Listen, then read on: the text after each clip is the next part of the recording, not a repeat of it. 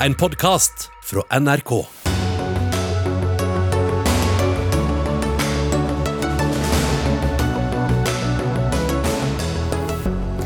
Det er for sent å få ned klimagassutslippene til det halve innen 2030, ifølge ny rapport.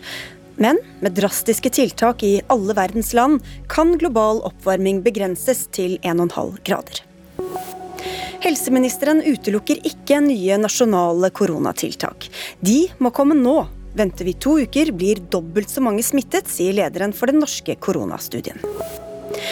Pressens eget klageorgan frikjenner hårfint fem aviser etter Giske-klage. En uforståelig konklusjon, sier Trond Giske selv. Og naturbilder på sosiale medier øker trykket på sårbar natur.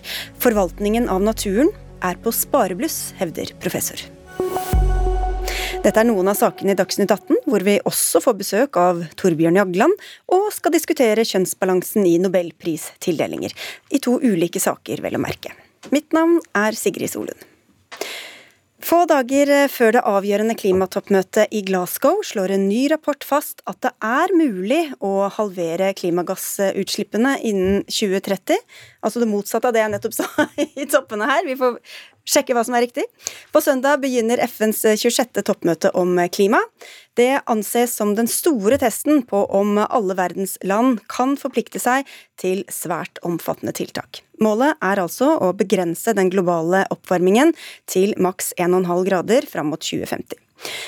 Det er altså mulig, men også ekstremt krevende, ifølge denne rapporten dere har utarbeidet i DNV, tidligere norske Veritas, hvor du er konsernsjef Remi Eriksen. Du kan jo opp, oppklare først av dette, for jeg sa, litt, sa, meg selv litt imot. Mulig eller umulig? Ja, det, det, er, det, er, lite sannsynlig at vi klarer å halvere innen 2030. Men det er mer sannsynlig at vi kan klare det i 2050 og komme til netto null. Selv om vi ikke halverer innen 2030. Men det er også svært krevende å komme til netto null i 2050. Og hvilke drastiske tiltak må settes i gang for at vi ikke skal styre mot to, tre, kanskje fire graders oppvarming? Det viktigste er at man eh, må sette i gang nå. Man kan ikke liksom vente til målet skal oppnås. Eh, man må sette i gang nå. Og det er ikke nok å tenke at hver nasjon skal ha netto null. For det er ikke alle nasjoner og alle segmenter, eh, industrisegmenter som kan praktisk komme dit. Så noen må komme til netto null før og faktisk gå negativ. Dvs. Si fjerne CO2 fra atmosfæren mer enn man putter opp i atmosfæren. Og hva, hva blir da vanskeligst rent eh, teknologisk og praktisk for å komme dit? Ja, det er, Energisystemet kan deles inn i to ting. Det ene er at man kan elektrifisere mye, eh, men det er en grense. Det er ikke alt som kan elektrifiseres. Der kommer sol inn, og der kommer eh, vind inn. Eh, men det er en grense for hva som kan elektrifiseres. Og så har du da en bit som eh, er vanskelig å elektrifisere, og der er hydrogen eller hydrogenbaserte produkter.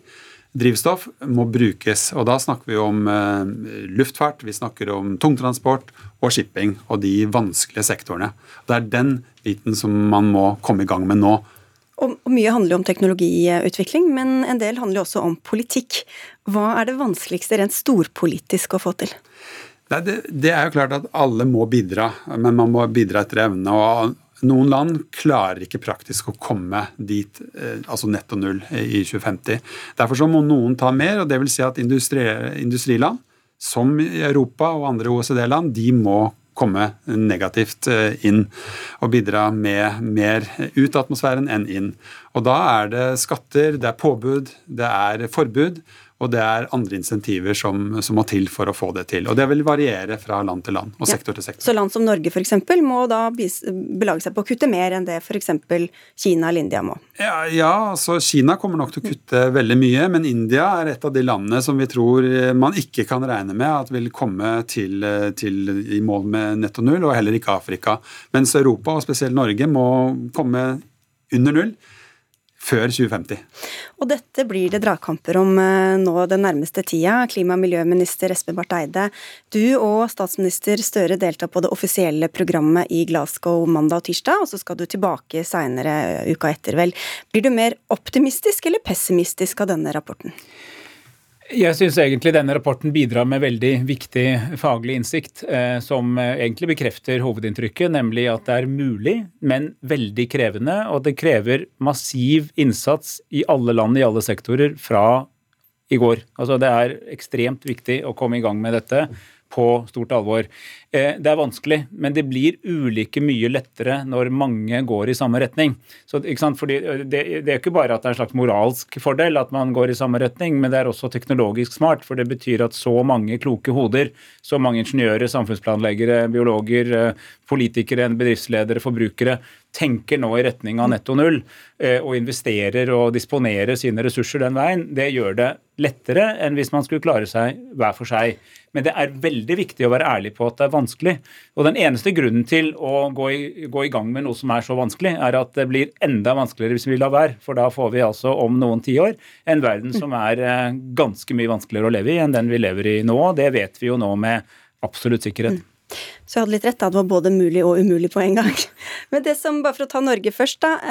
Eriksen, det, det regjeringa så langt har lagt opp til, hvor, hvor, godt fører det oss på vei fram mot 2030 i første rekke? Nei, altså 2030 er viktig, men det viktige er jo 2050. Og vi må huske på at sol og vind har brukt 25 år på å komme dit de er i dag, og være konkurransedyktige. Eh, vi kan ikke bruke 20-25 år for å få hydrogen i bruk, og, og, tatt i bruk i den skalaen vi ser på sol og vind, som er for å elektrifisere. Uh, og Derfor så er det veldig viktig å komme i gang nå med hydrogen. og Der er Norge viktig uh, for å vise vei på de vanskelige industriene og ta i bruk hydrogen som et, uh, som et karbonnøytralt fuel. Og jeg har lyst til å si på det poenget der at Skal man få til sånne store satsinger, så må altså staten og markedet samarbeide. Du må sette veldig tydelige felles mål og sørge for at alle ressursene peker i samme retning, f.eks. i å utvikle en hydrogenøkonomi hvor du trenger både produksjon, distribusjon og teknologier for bruk. Og det får man ikke til bare å vente på at disse ressursene skulle finne, hverandre, finne hverandre litt tilfeldig i markedet. Vi må sette kurs og retning. Og Det er et veldig sentralt poeng i denne regjeringens industripolitikk at vi skal ha en aktiv, retningsgivende industripolitikk som nettopp løfter fram de mulighetene som både vil bidra til å kutte utslipp, men også skape ny nye løsninger, nye verdier, nye arbeidsplasser Men her i Norge. Men det, jo, det er jo også uh, interesser som står mot hverandre. Vi hører at vi må skynde oss langsomt. For hver, hvert år eller hver måned eller hver uke vi venter, hvor, mye, hvor vanskeligere og hvor mye dyrere blir det? Vi kan ikke skynde oss langsomt, vi må skynde oss raskt. Altså, her må man eh, komme i gang med en gang. og vi, vi må, Det som vi har brukt 20 eh, år da, på, det må vi gjøre på 5-10 år nå. Og det er også viktig å si her at Karbonfangst og -lagring er en veldig viktig eh, eh, verktøy i kassa her for å komme til null. Fordi man klarer ikke å komme med elektrifisering og hydrogen. Eh, det vil eh, å løse å komme helt til null. Det vil være en residual på ca. 20% og der er det fangst og lagring. Så det er ikke praktisk mulig, mener vi, å komme til netto null uten å ta i bruk fjerningsteknologi. Ja, for du skal hente altså karbon ut av ja, Atmosfæren også? Ja, det er ett av tiltakene. Det er ikke så stort bidrag. Det vil komme først mot slutten, altså direkte fangst fra luft. Det vil komme mot slutten, og spesielt da i Europa, tror vi. Men det er det vi kaller for tradisjonell karbonfangst og -lagring, som vi har holdt på med i Norge noen år nå. Og Der er det jo viktig å si at det er to typer karbonfangst og -lagring. Det er den industrielle, hvor jeg er helt enig med Remi Eriksen og DNV at det må vi satse kraftig på. Og så er det den naturlige, nemlig det naturen gjør helt gratis. Og Det eneste du da må gjøre, er å la den få lov til å fortsette med det. Altså, altså Myrer, våtmarker, skoger og hav eh, fanger mye karbon hvis den får lov. Men hvis vi ikke lar den få lov til det, så må vi bruke enda mer penger på industriell karbonfangst Men nå hører vi her at noen land, særlig Norge bl.a., må gå foran. Hva er det du har med deg i sekken inn eh, til eh, møtet i Glasgow? Ja, vi har jo våre egne forhøyede ambisjoner. Eh, og så har vi, Men mye viktigere enn ambisjoner er jo at vi ønsker å ha konkrete planer sektor for sektor, år for år, for hvordan vi f.eks. kan gå ta tak i våre viktige industrier, prosessindustrien, altså stål, aluminium, der vi vet at det går an å produsere med mye lavere utslipp hvis man sørger for å få fram de teknologiske løsningene som gjør det mulig. Og Det fine med det er at det er bra for klimaet. Men det er også bra for lommeboka og jobbene. fordi at det markedet der ute, ikke minst i Europa, etterspør nå lavere utslipp i produksjon. Så den som kommer først til i retning nullutslipp, vil selge mer enn de som blir hengende igjen i en utslippstung produksjonsform. Dette skal vi snakke mye mer om de nærmeste ukene, men Rem Eriksen, hva er det viktigste politikerne fra alle land kan bli enige om nå i Glasgow? Jeg tenker at Det viktigste er dette fondet til, til utviklingsland.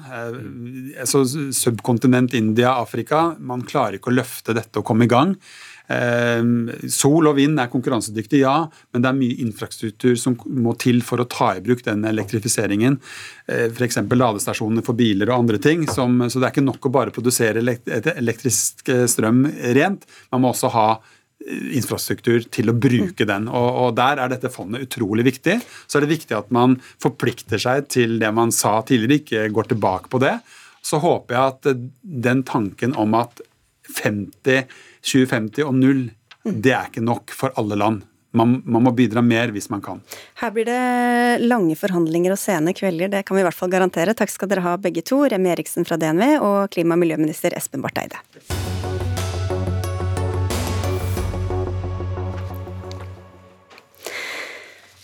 Det norske hus og 36,9, Nobelkomité og Europarådet. Den tidligere statsministeren, partilederen, stortingspresidenten og utenriksministeren Torbjørn Jagland har satt spor etter seg i politikken.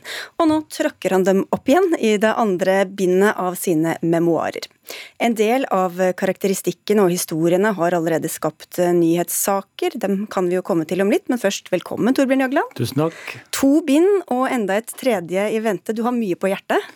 Ja, jeg har jo gjort veldig mye da, og vært i veldig mange posisjoner, så jeg føler at det er en forpliktelse å si hva jeg eh, mener skjedde, og hvordan jeg så tingene. Mm. Og Noe av det du sier du vil fortelle om, var uh, hvordan solidariteten forsvant. Og du peker jo bl.a. på dine egne i Arbeiderpartiet. Hvordan mener du at Arbeiderpartiet har sviktet og blitt mindre solidariske? Dette er jo et fenomen som er over hele Europa, at uh, forskjellen har økt. Vi hørte i dag en rapport om uh, økt barnefattigdom over hele kontinentet, og det gjør seg også gjeldende i, i Norge. Så det er jo tydelig at en del grupper har øh, heng, blitt hengende etter. F.eks. de som er øh, barnefamilier som har ansvar for barn. Og det er nok øh, veldig mye knyttet til øh, også våre såkalte nye øh, landsmenn.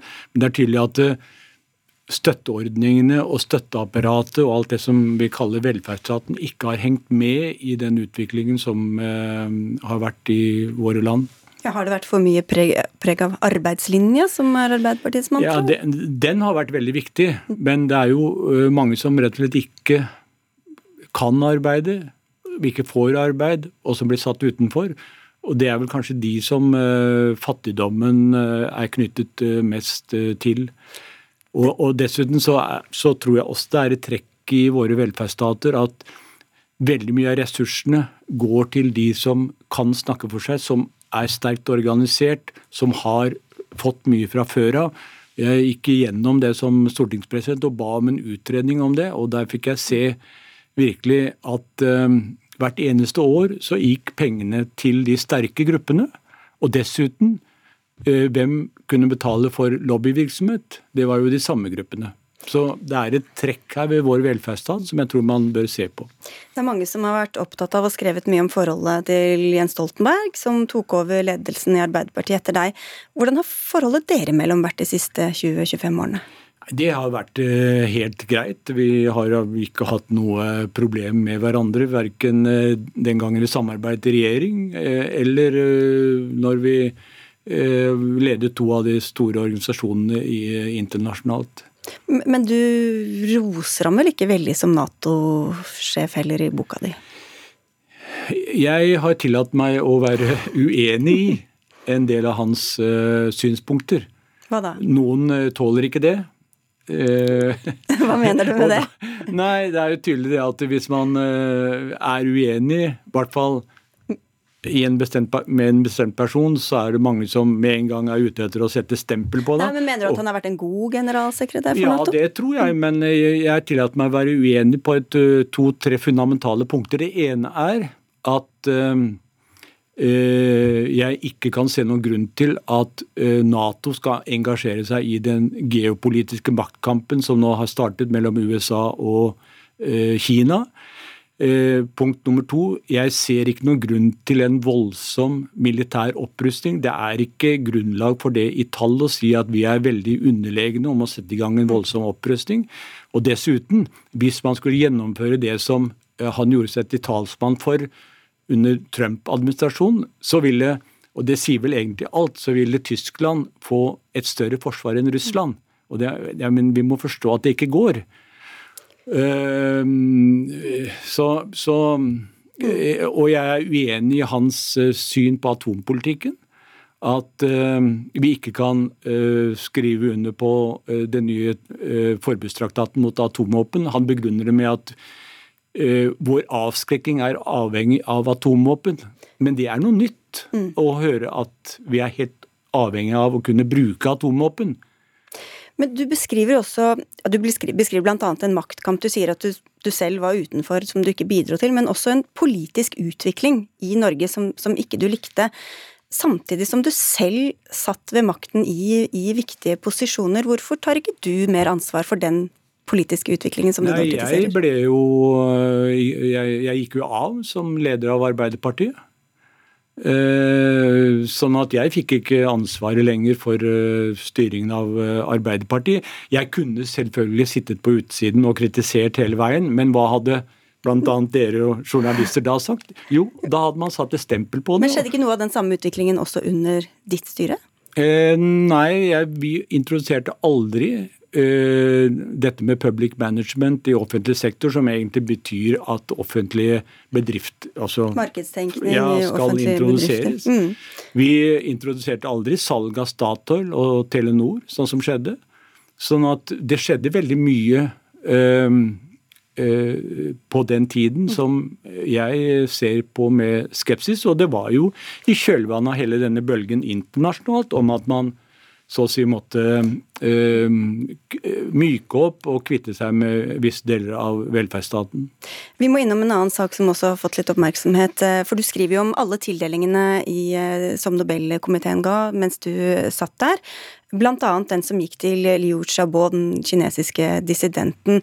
Og at du opplevde press bl.a. fra den daværende utenriksministeren, nåværende partileder Jonas Gahr Støre. Hva var det som skjedde? Ja, Det som skjedde, tror jeg ikke det er uenighet om.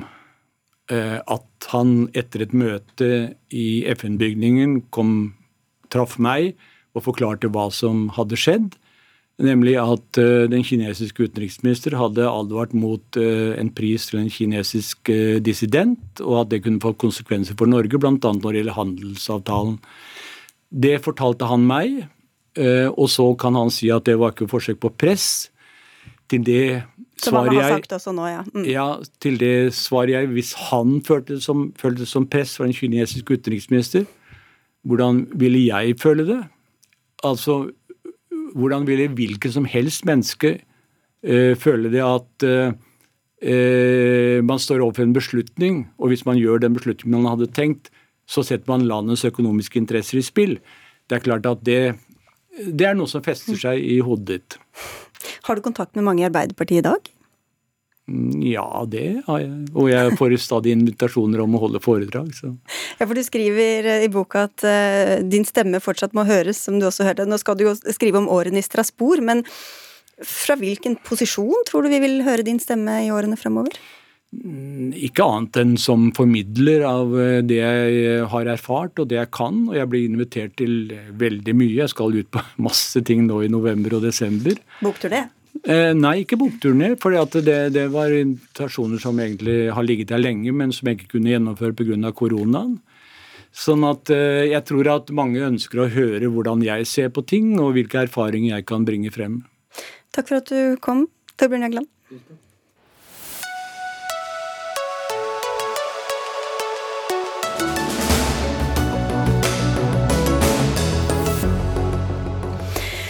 Samfunnet er åpnet igjen, og covid-19 skal betraktes i hvert fall mer eller mindre på linje med andre sykdommer. Samtidig brer smitten om seg. I dag er det registrert 1144 nye smittede i Norge, og det er dobbelt så mange som samme dag i forrige uke.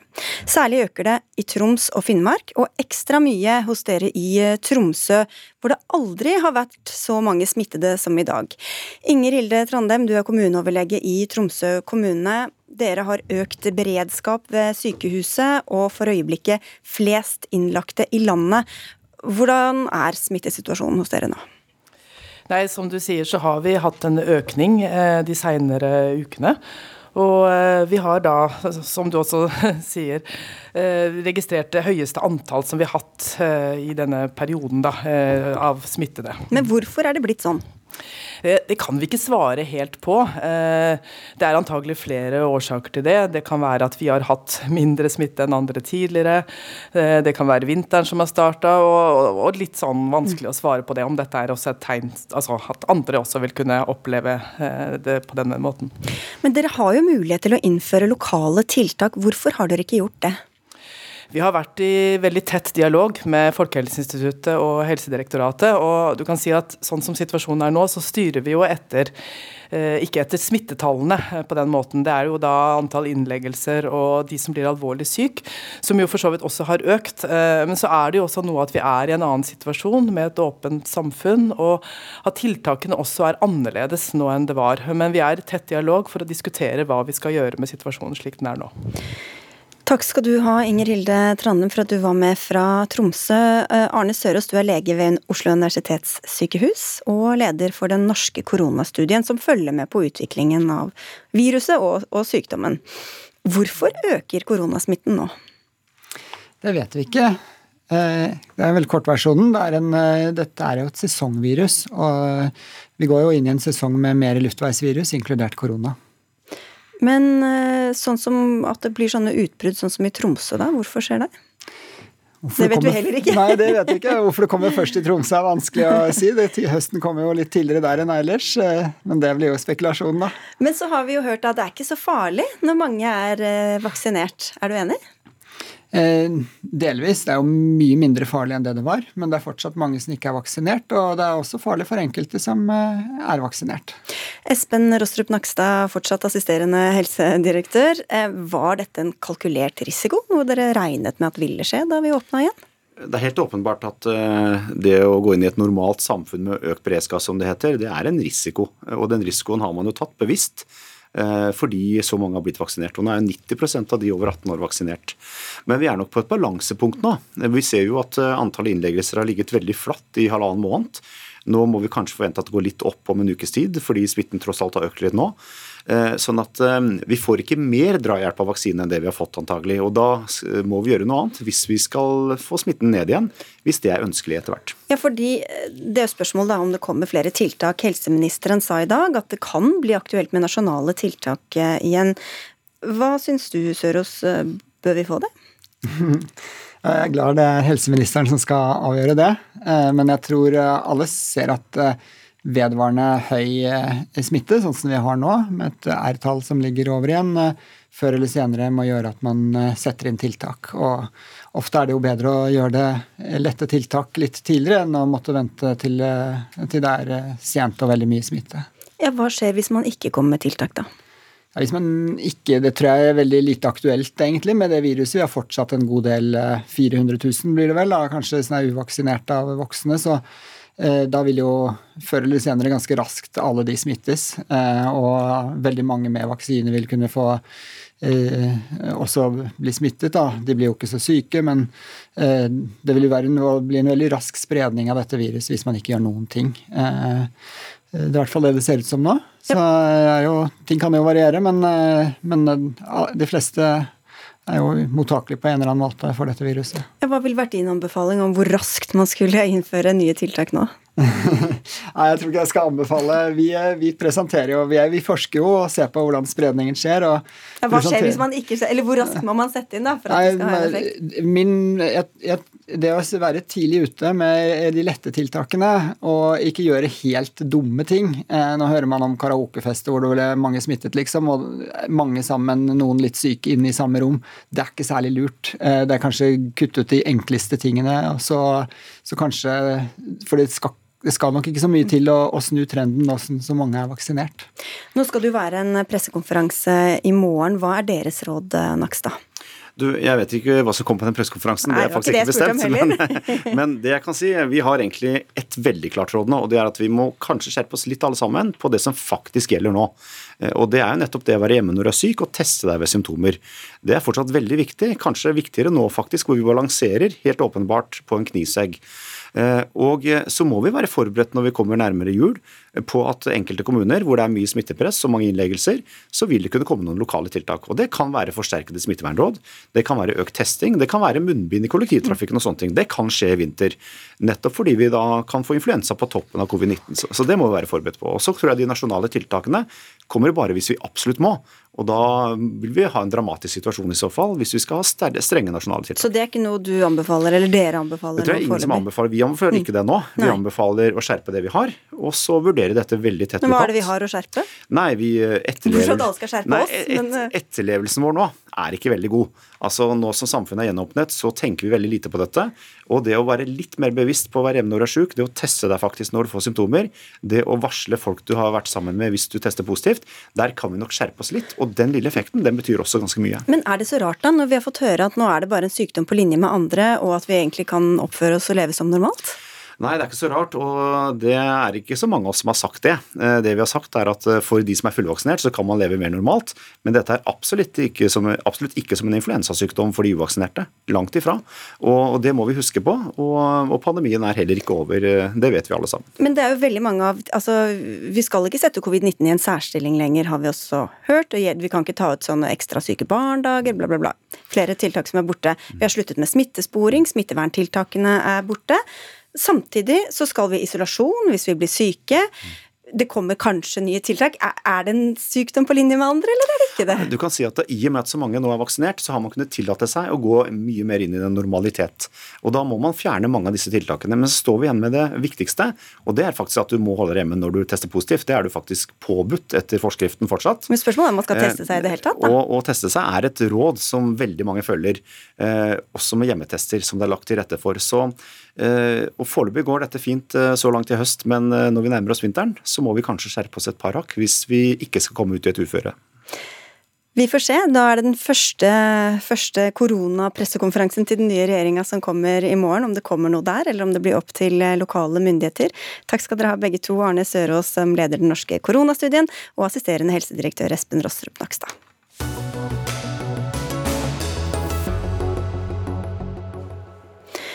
Nå er vi snart halvveis i dagens Dagsnytt 18-sending. Følg med hele timen, så får du bl.a. med deg en diskusjon om hvorfor så mange menn vinner nobelpriser. Det blir for dumt å bare tolke det inn i et mangfoldsperspektiv, mener en av våre gjester. Men nå. I dag konkluderte pressens eh, faglige utvalg eh, med at eh, fem aviser ikke brøt god presseskikk i saker de skrev om Trond Giske. Sakene, som ble trykket i august i fjor, gjaldt to AUF-ere som anklaget Giske for seksuell trakassering.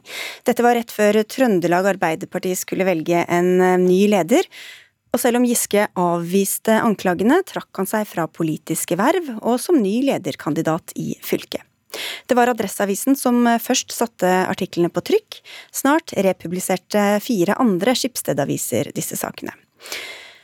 Den ene overskriften lød 'Hun tilhører Giskes nærmeste krets'. Nå forteller Sandra 29 hva som skjedde på nachspiel. En av to artikler du klaget inn til PFU, Trond Giske. Hvorfor eh, gikk du til det skrittet? For det første fordi at uh, anklagene var usann. Uh, og min presseetiske forståelse var at man ikke kunne sette alvorlige anklager på trykk uten å ha fylt det som i Vær varsom-plakaten heter, og kontrollere at opplysninger er korrekte.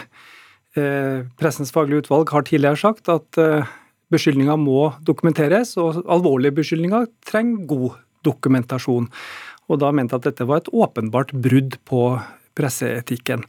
Det kan ikke være sånn at eh, bare noen påstår et eller annet, noe har skjedd for 7 eller 10 eller 15 år siden, så skal det komme på trykk så lenge motparten får si at dette er usant. Det er selvfølgelig veldig belastende og skadelig eh, med slike svære oppslag, og særlig når man da fastslår hva som skjedde på et nachspiel i 2014. Ja, For du opplevde dette som alvorlige anklager? Ja, selvfølgelig. Og det sier jo Pressens faglige utvalg også, at dette er svært alvorlige anklager, som er svært rammende eh, for meg. Og da var min forståelse av presseetikken det krever god dokumentasjon, og at man har sjekka at disse anklagene faktisk er korrekte. Og Det hadde man ikke, og derfor klager jeg til PFU.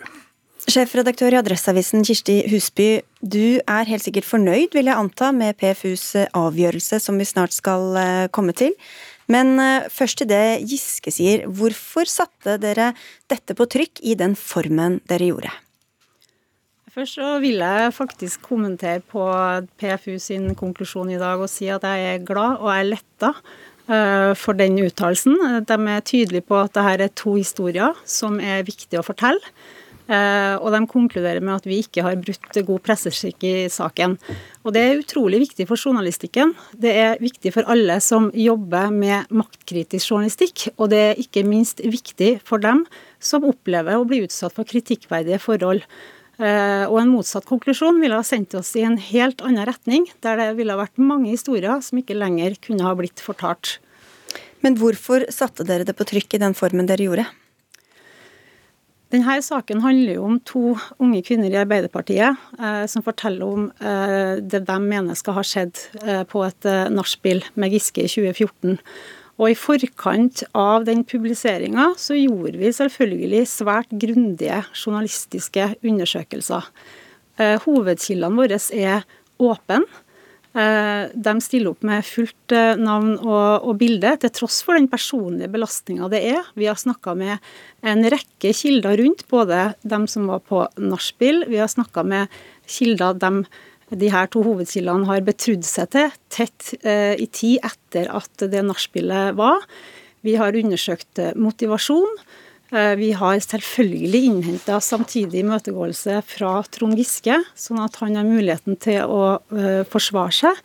Um, og mm. brukt det til å også kontrollere uh, faktaene i saken. Og Ut ifra det så mente vi, da vi publiserte at vi hadde et tilstrekkelig kildegrunnlag, Eh, det mener jeg fortsatt, og det opplever jeg at PFU i en samla vurdering sier i dag, at vi ikke har brutt god presseskikk. Du kan få en kort kommentar på det, Giske, før vi går videre til PFU. Jeg skjønner jo at adressa letta over at man ikke ble felt i PFU, sjøl om mange medlemmer i PFU mente at man burde ha en fellelse. Men det er jo ikke riktig det Husby sier om PFUs uttalelse. I uttalelsen så sier de at det er for konstaterende, det er tynt kildegrunnlag, og at man ikke kan dokumentere anklagene. Men så sier man da at på tross av dette så ser vi ikke at det er brudd på presseetikken. Mm. Så, så, det er jo en rammende kritikk av saken. Den er ikke dokumentert, og det er ingen tilstedeværende som bekrefter, og det finnes ingen annen dokumentasjon. Men så mener da PFU at dette har så stor samfunnsinteresse likevel. Du, vi skal slippe til PFU snart, men for du, du, ønsker ikke å gå langt inn i denne debatten, Husby, men helt avslutningsvis, da. Dere kunne ikke vite at det dere skrev faktisk var sant og riktig? Det det PFU sier, det er jo at det er jo ikke noe beviskrav eh, som ligger i det her. Og noen saker eh, kan faktisk ikke dokumenteres på den måten Trond Giske mener her. Mm. Men vi må sannsynliggjøre, og vi må gjøre grundige journalistiske undersøkelser. Og det er det vi har gjort i denne saken. Da går vi til deg, Anne Weider Aasen. Du er leder i Pressens faglige utvalg. Nå har vi hørt hva dere konkluderte med. Hvorfor kom dere fram til den konklusjonen? Det var jo en eh, konklusjon som kom fram etter eh, mye diskusjon. Eh, men vi mener at den saken måtte kunne omtales, og disse to kvinnenes historie. Og det er jo ikke slik som Giske argumenterer med, med at en påstand skal være fullt ut dokumentert. Altså, Journalisten skal jo søke og prøve å finne ut av ting, men så langt det lar seg gjøre. Og man må kunne omtale eh, saksforhold og anklager som det ikke finnes håndfaste bevis på. Hvis ikke så ville man jo kommet i en veldig rar situasjon. Tenk deg mobbesaker, eh, saker hvor folk varsler om kritikkverdige forhold etc. Eh, der det ikke nødvendigvis finnes vitner eller noe, noe, skriftlig dokumentasjon på ting. Eh, det var det ene. Ja, men, men den fra Giske først, bare med, med hvor man legger lista. Altså igjen, Jeg er jo glad for at medlemmene i utvalget skjerpa inn uttalelsen og sa så tydelig at det ikke var dokumentasjon, at her er det ord mot ord, eh, men at man da finner ut at man likevel må publisere. Men, til dette men det er jo helt hvor, annerledes. Blir, hvor blir det av de historiene hvis man legger lista der hvor du øh, Nei, Da må man gjøre det journalistiske arbeidet. Det kan jo ikke være sånn at noen anklager noen for noe, og så sier den personen at det her er usant. Og så sier vi jo, men det er likevel viktig at den historien kan fortelles. Hvor havner vi hen da? Da kan jo hva som helst settes på trykk. Hele kjernen i et redaktørstyrt medium er jo at man følger det som står i Vær varsom-plakatens 3.2. kontrollere at opplysninger er korrekte. Ellers så er vi der at da kan vi, Det er jo hele kjernen at du tror på det som står i Aftenposten og Adresseavisa, men nå sier man egentlig at nei. Man skal ikke trenge å vite at dette er korrekt, fordi at så lenge det har offentlig interesse, så må man tåle at man setter på trykk ting som ikke er dokumentert. Og det er jeg dypt uenig i. Jeg tror nok det er en ganske sterk forenkling av det som kom fram i møtet i dag, Giske.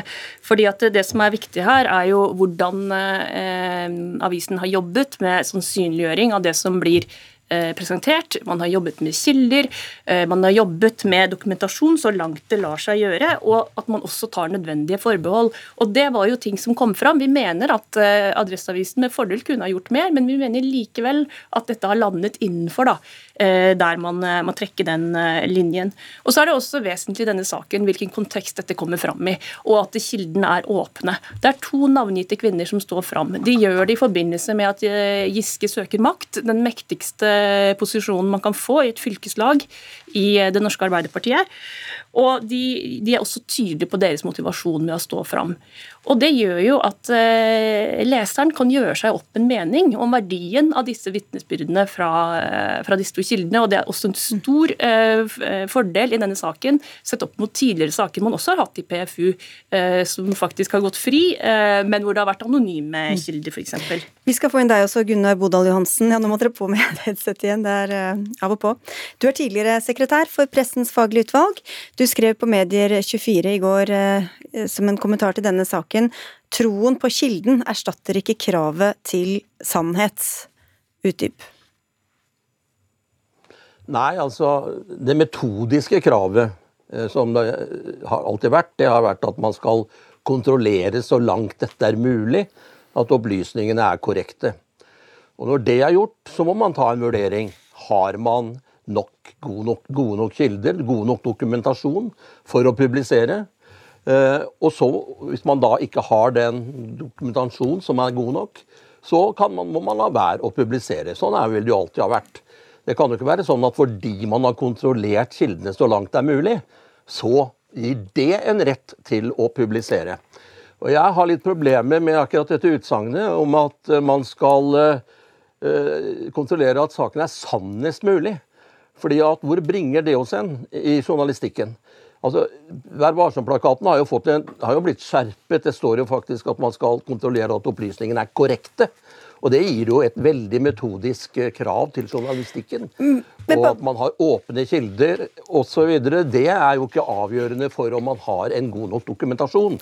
Men Bodal Hansen, bare for å spørre, et annet eksempel her som vi hadde akkurat nylig i sendinga, hvor det var tydelig at uh, tidligere uh, gjest her, Jagland, hadde en helt annen versjon av hvordan noe hadde opplevdes i situasjonen med Jonas Gahr Støre. Altså hvis, ba, hvis, det bare er ulike oppfatninger av hva som har skjedd, ulike tolkninger, hvordan skal man klare å dokumentere det?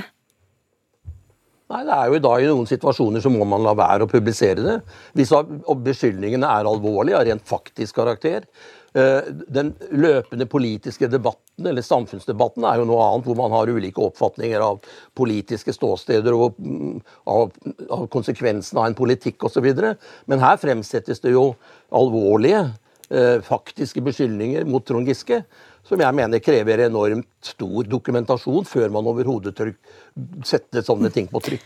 Og Hvis man sier utad at pressen behøver ikke kontrollere opplysningene eh, utover det at så langt det er mulig.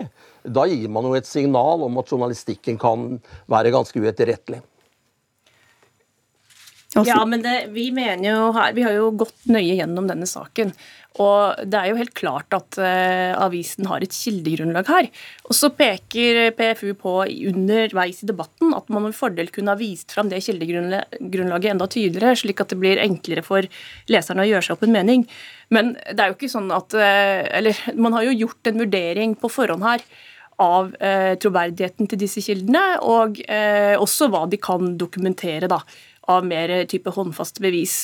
Men jeg vil bare advare mot å gå i en sånn retning at dersom man ikke besitter den fulle og hele sannhet. For dette det gjør veldig sjelden journalistikken. Vi har eh, saker som handler om 3-2, altså kontroll og opplysninger, til stadighet opp i, i PFU, men uten at, eh, at, noen kan sitte på dokumentasjon på absolutt alt som har skjedd i en uh, historie. Ja, sånn, det, det, det, kan jo ikke være, det er ikke der uh, dette kravet må være. Og igjen, uh, den fordelen med at det er to åpne kilder, de blir spurt om deres motivasjon, de får kritiske spørsmål.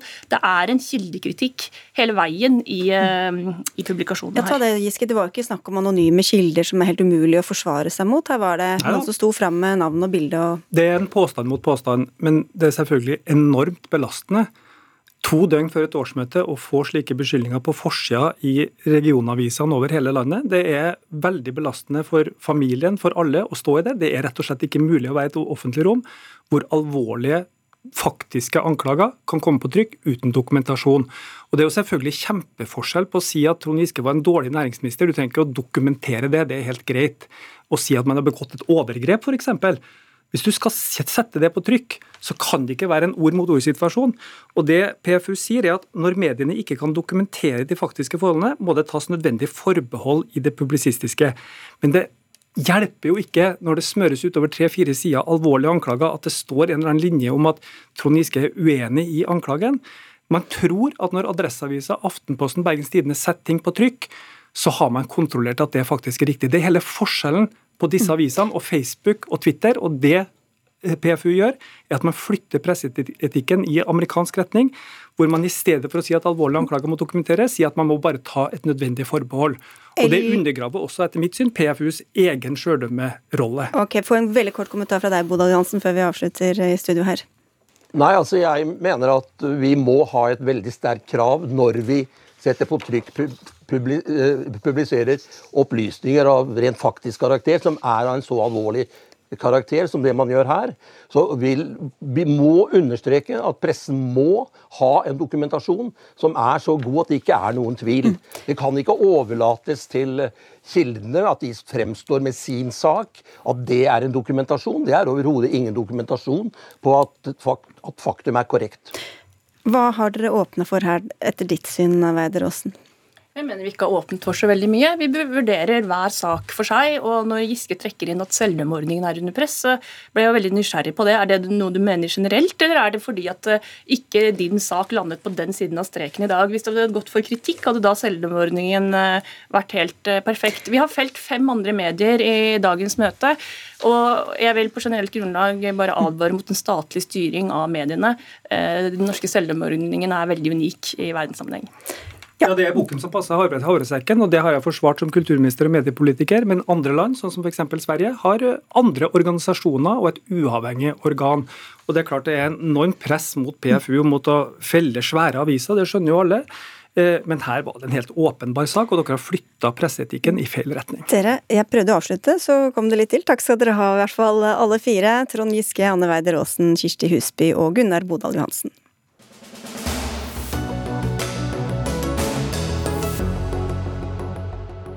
Legger du ferien etter hvilke steder som ser fascinerende ut på sosiale medier? Stadig flere finner seg nye turmål gjennom populære Instagram-kontoer, noe som øker trykket på visse områder. I år gikk f.eks. 13 000 turister stien til Knutsø i Jotunheimen, og det er dobbelt så mange som for fem år siden. Trygve Sunde Koldrup, du er seksjonsleder for natur og bærekraft i Den norske turistforeningen. Hvordan merker dere at flere finner veien ut, bl.a. gjennom fascinerende bilder. Ja, nei, Vi ser jo at det er en, en, trend. Vi ser at naturen har vært ekstremt viktig for veldig mange i pandemien. Og, og det er veldig mye som tyder på at det fortsetter. Eh, vi syns jo det er, er, veldig bra. Eh, syns det er fint at folk blir inspirert, og at flere har lyst til å ta del i, i, i fine naturopplevelser.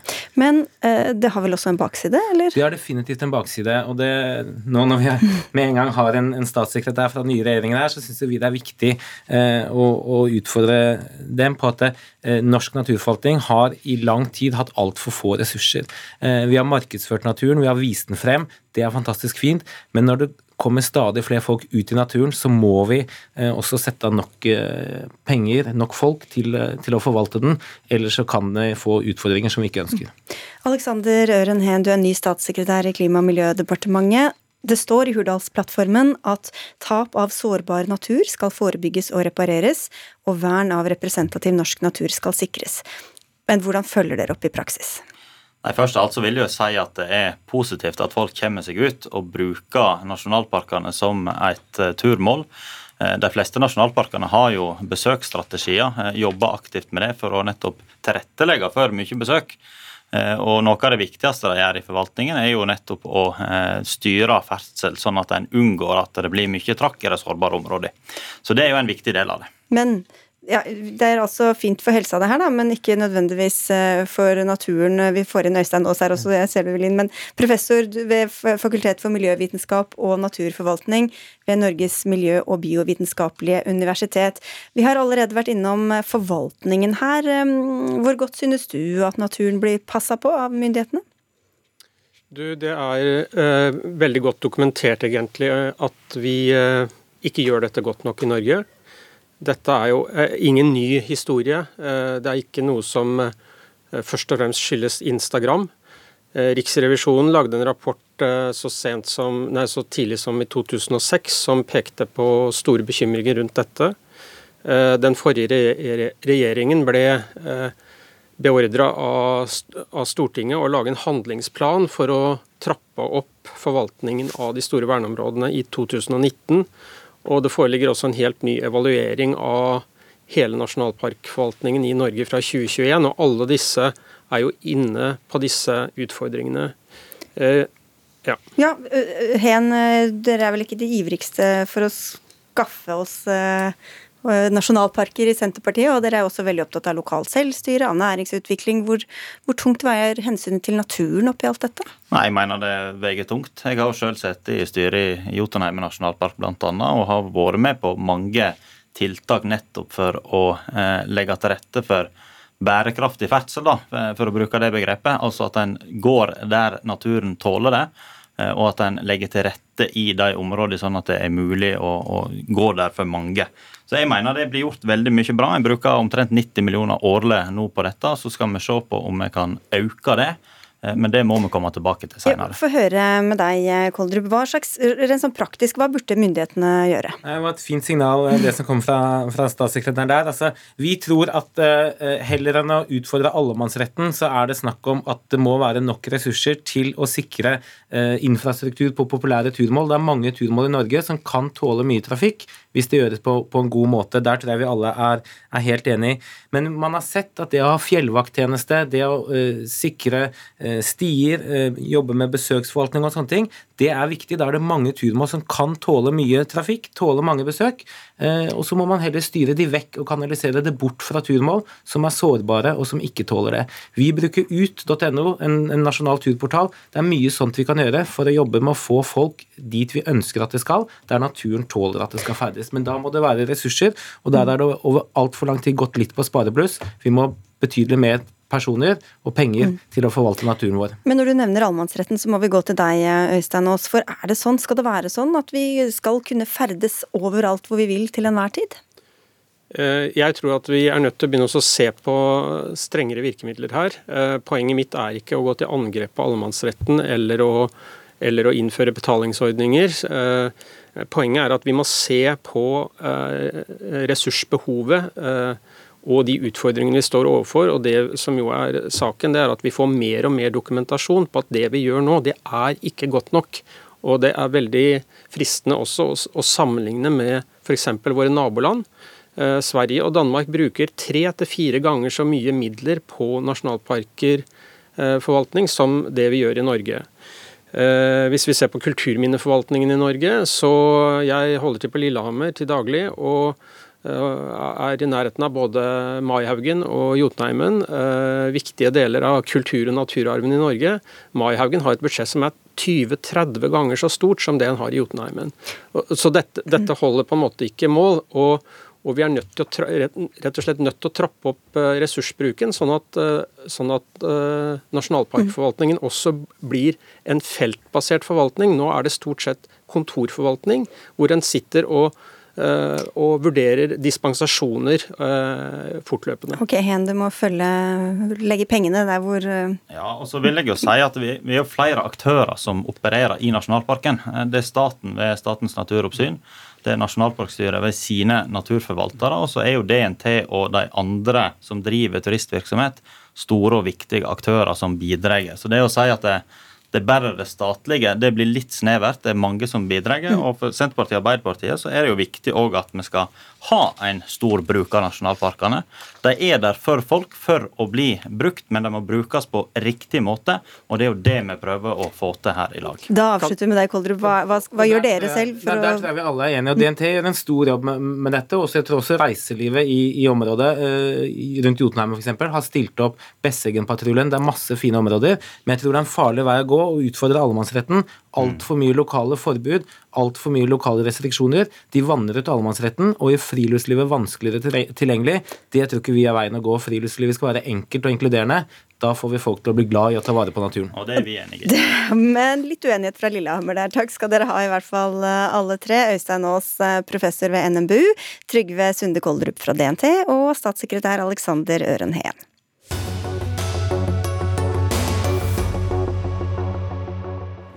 Hvorfor er så mange nobelprisvinnere hvite eldre menn?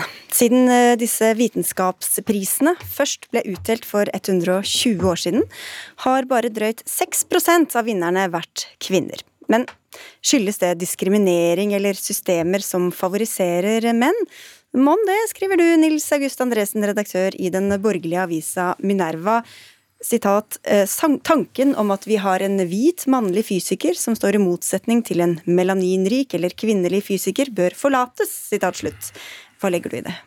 Ja, altså det, var jo to ting her som, eh, som jeg ville ta opp. Det ene var på det at eh, disse pri- prisene ikke speiler samfunnet. At de, at de blir hvite priser. som, om det, som om det er et problem for fysikken. Det kan være et problem på andre måter, at det er diskriminering eller noe sånt, men det er ikke noe problem for fysikken. Det er veldig mange steder at representasjon er veldig viktig i seg selv, i kulturproduksjon og historiefortelling og sånn. Men akkurat for relativitetsteorien for eksempel, så spiller det ikke så stor rolle om oppdageren er eh, Einstein eller, eller noen andre. Eller hans kone. Ja. Så, så det er liksom den ene biten av det. Det, det, det spiller ikke noen stor rolle. Det, den andre tingen som jeg har reagert litt på, her, det er at det er Jeg er helt enig at det fins mange kjønnsstrukturer i høyere utdanning og forskning eh, som det er viktig å ta tak i. Det er noe med fremstillingen av denne type saker der man, eh, man ser det bare i lys av dette her. Mens overrepresentasjonen av menn i de, i de såkalte STEM-fagene, altså naturvitenskapene og matematikk, det er et veldig komplisert felt. Det er en stor forskningsdebatt eh, som også går på, på en måte, menns og kvinners ulike interesser og ulike typer evner innenfor disse fagene, som typisk vil gi seg utslag på toppnivå. Sånn at det, er ikke plausibelt uten videre at man selv med liksom perfekt likestilling kommer til en helt likhet i disse fagene. Da- Fordi jo menn har andre interesser eller veier ting og ulikt og sånn, sånn som du ja, skriver da. da. og dette er jo en debatt, det er jo en veldig kjent debatt som, med Steven Pinker og Elisabeth Spelke fra 2005, som både viser frem de ulike sidene i den debatten. For det er jo mange sider i debatten. Men når vi snakker om det i mediene, når mediene snakker om det, så har vi en tendens til å late som bare den ene siden av debatten fins, og da blir vi mindre kloke, mener jeg. Kurt Rice, du er leder av eh, komiteen for kjønnsbalanse og mangfold i forskning. Denne måten å tenke på fikk blodet ditt til å koke, sa du til oss tidligere i dag. Hvorfor det? Nei, altså, jeg, jeg syns vi går glipp av en diskusjon om hva slags effekt Nobelstiftelsen kunne ha på fremtida for forskning, og ikke bare la det fokusere på fortida. Det er et problem at vi har dårlig kjønnsbalanse i naturfagene. Og det er en mulighet for nobelprisene å påvirke dette ved å løfte opp kvinners rolle. Og hvis det er en antydning om at kvinner ikke har bidratt i like stor grad som menn, så, så tenker jeg at det er ganske problematisk. Og det er noen enkle grep som kunne gjøre ting annerledes, og det syns jeg hadde vært spennende å diskutere. Men mener du at man skal gi det til kvinner selv om ikke det er de som har utmerket seg mest på det området, eller? Det mener jeg selvfølgelig ikke. Det som jeg mener er at enhver eh, enkel nobelpris, det er flere eh, mulige kandidater, flere som er den prisen verdig. Og det kan man da tenke litt gjennom også på hva slags signal man sender. Nobelstiftelsen vet at de har en problem. De inviterte meg til å holde et foredrag der for tre år siden og gi dem noen tips. De driver med medietrening med komitémedlemmer, vitende at dette er et problem som de har for deres egen omdømme. Ja, Så at man ser det man ser etter, da, Andresen? Ja, altså, det er klart at Ofte gis jo disse nobelprisene med 70 års uh, forsinkelse. For det tar ofte tid å finne ut hva som er store gjennombrudd i, fysikk eh, spesielt, kanskje. Uh, og det, så, Sånn sett speiler man fortiden også. Men jeg, er jo kritisk til dette med at akkurat nobelprisen skal både gis for, for, å demonstrere at det finnes dyktige kvinner. Det, det, men at det er det er feil tilnærming til denne type ting. Og, og, det jeg sa som sikkert provoserte og fikk blodet til å, til å bruse, er at liksom den alternative vinklingen her Vi sliter jo med å få folk i Norge vet jo det veldig godt, få folk til å velge naturvitenskapene. Og det er flere menn enn kvinner relativt sett som, som velger disse fagene. Og, og, og, det er så mange problemer med menn i høyere utdanning. De gjør det dårligere på skolen, de faller fra og får dårlige karakterer over hele fjøla.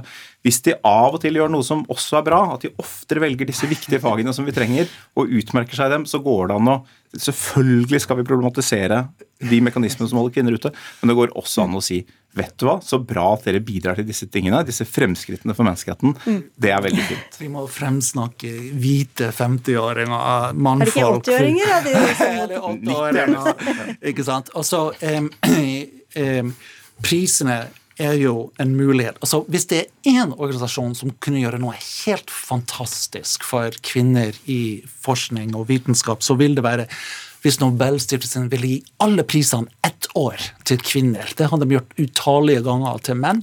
Kan ikke de en eneste gang gi dem alle til kvinner? Vel, det kan de ikke, fordi disse komiteene er ikke koordinert seg imellom. Men det er andre ting som de kunne gjøre, som vil øke sjansen for at en fremragende kvinne får den Men prisen. Men hvor, hvorfor tror du at flest menn får det, da?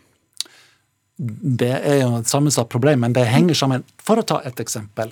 Eh, prisene kan gis til maks tre personer. Du kan dele det blant maks tre personer. Men vitenskap gjøres i dag i svære grupper. Hvis en gruppe som hadde stått ansvarlig for en oppdagelse, kunne få nobelprisen, så vil det være mange flere kvinner i den gruppa. Men de, men de gir det til maks tre personer. Det er et eksempel på et enkelt tiltak som vil gjøre kvinners rolle som allerede er, har den rollen i dag, mm. mer synlig. Men til din eh, skal vi si, alternative forklaringsmodell, Andresen, nemlig at menn prioriterer jobb høyere enn kvinner. Kvinner har større ønske om en balanse mellom familie, venner og jobb, og menn er mer interessert i ting enn i mennesker. Hvordan vet du det, egentlig? Altså, dette er på den gamle hjerne... Jeg sier ikke at jeg vet det. for øvrig. Dette er den gamle hjernevaskdebatten som vi husker godt fra, fra NRK. Biologisk hva... Biologisk versus andre mm. ting. Og alle biologiske ting må jo på en måte gå gjennom en eller annen sosial struktur. Det er ikke sånn at man fra, fra naturens side har sittet og tenkt på, på biler. liksom. Det er, det er en ganske nytt fenomen i, i menneskehetens historie. Men, men det, det, det, ligger én side av debatten, representert ved Pinker. Den, vi hadde en rerun i Norge etter hjernevask i 2018, hvor Paul Kraft, psykolog, representerte på en måte denne det, det, finnes noen interessante forskjeller her som ser ut til å være biologiske og Marit Teigen, en økonom, representerte uh, det andre standpunktet. Og Det er en, det er en reell debatt. og jeg synes Det som er så dumt, er at når vi snakker om det i offentligheten, så er det på en måte et såpass problematisk syn. Man ønsker å kunne si vi må bekjempe kjønnede strukturer, og det er viktig å løfte frem. Nobelprisen burde være en slags kvinnesaksorganisasjon som bare gir til kvinner et år.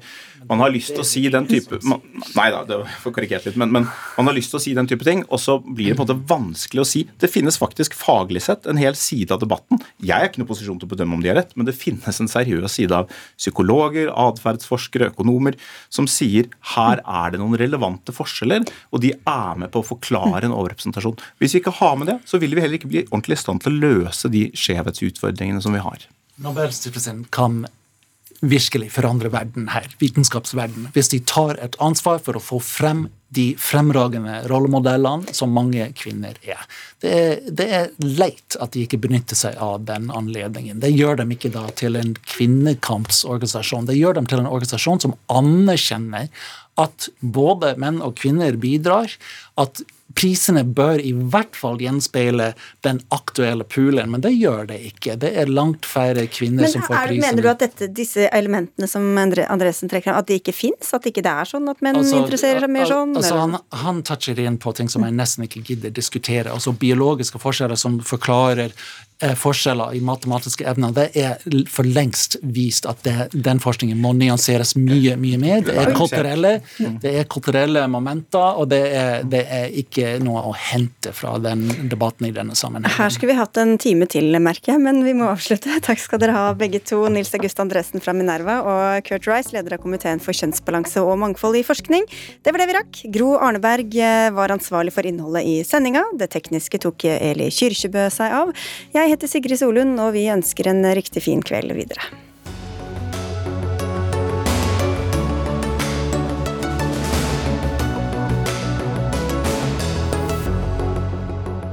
Du har hørt en podkast fra NRK.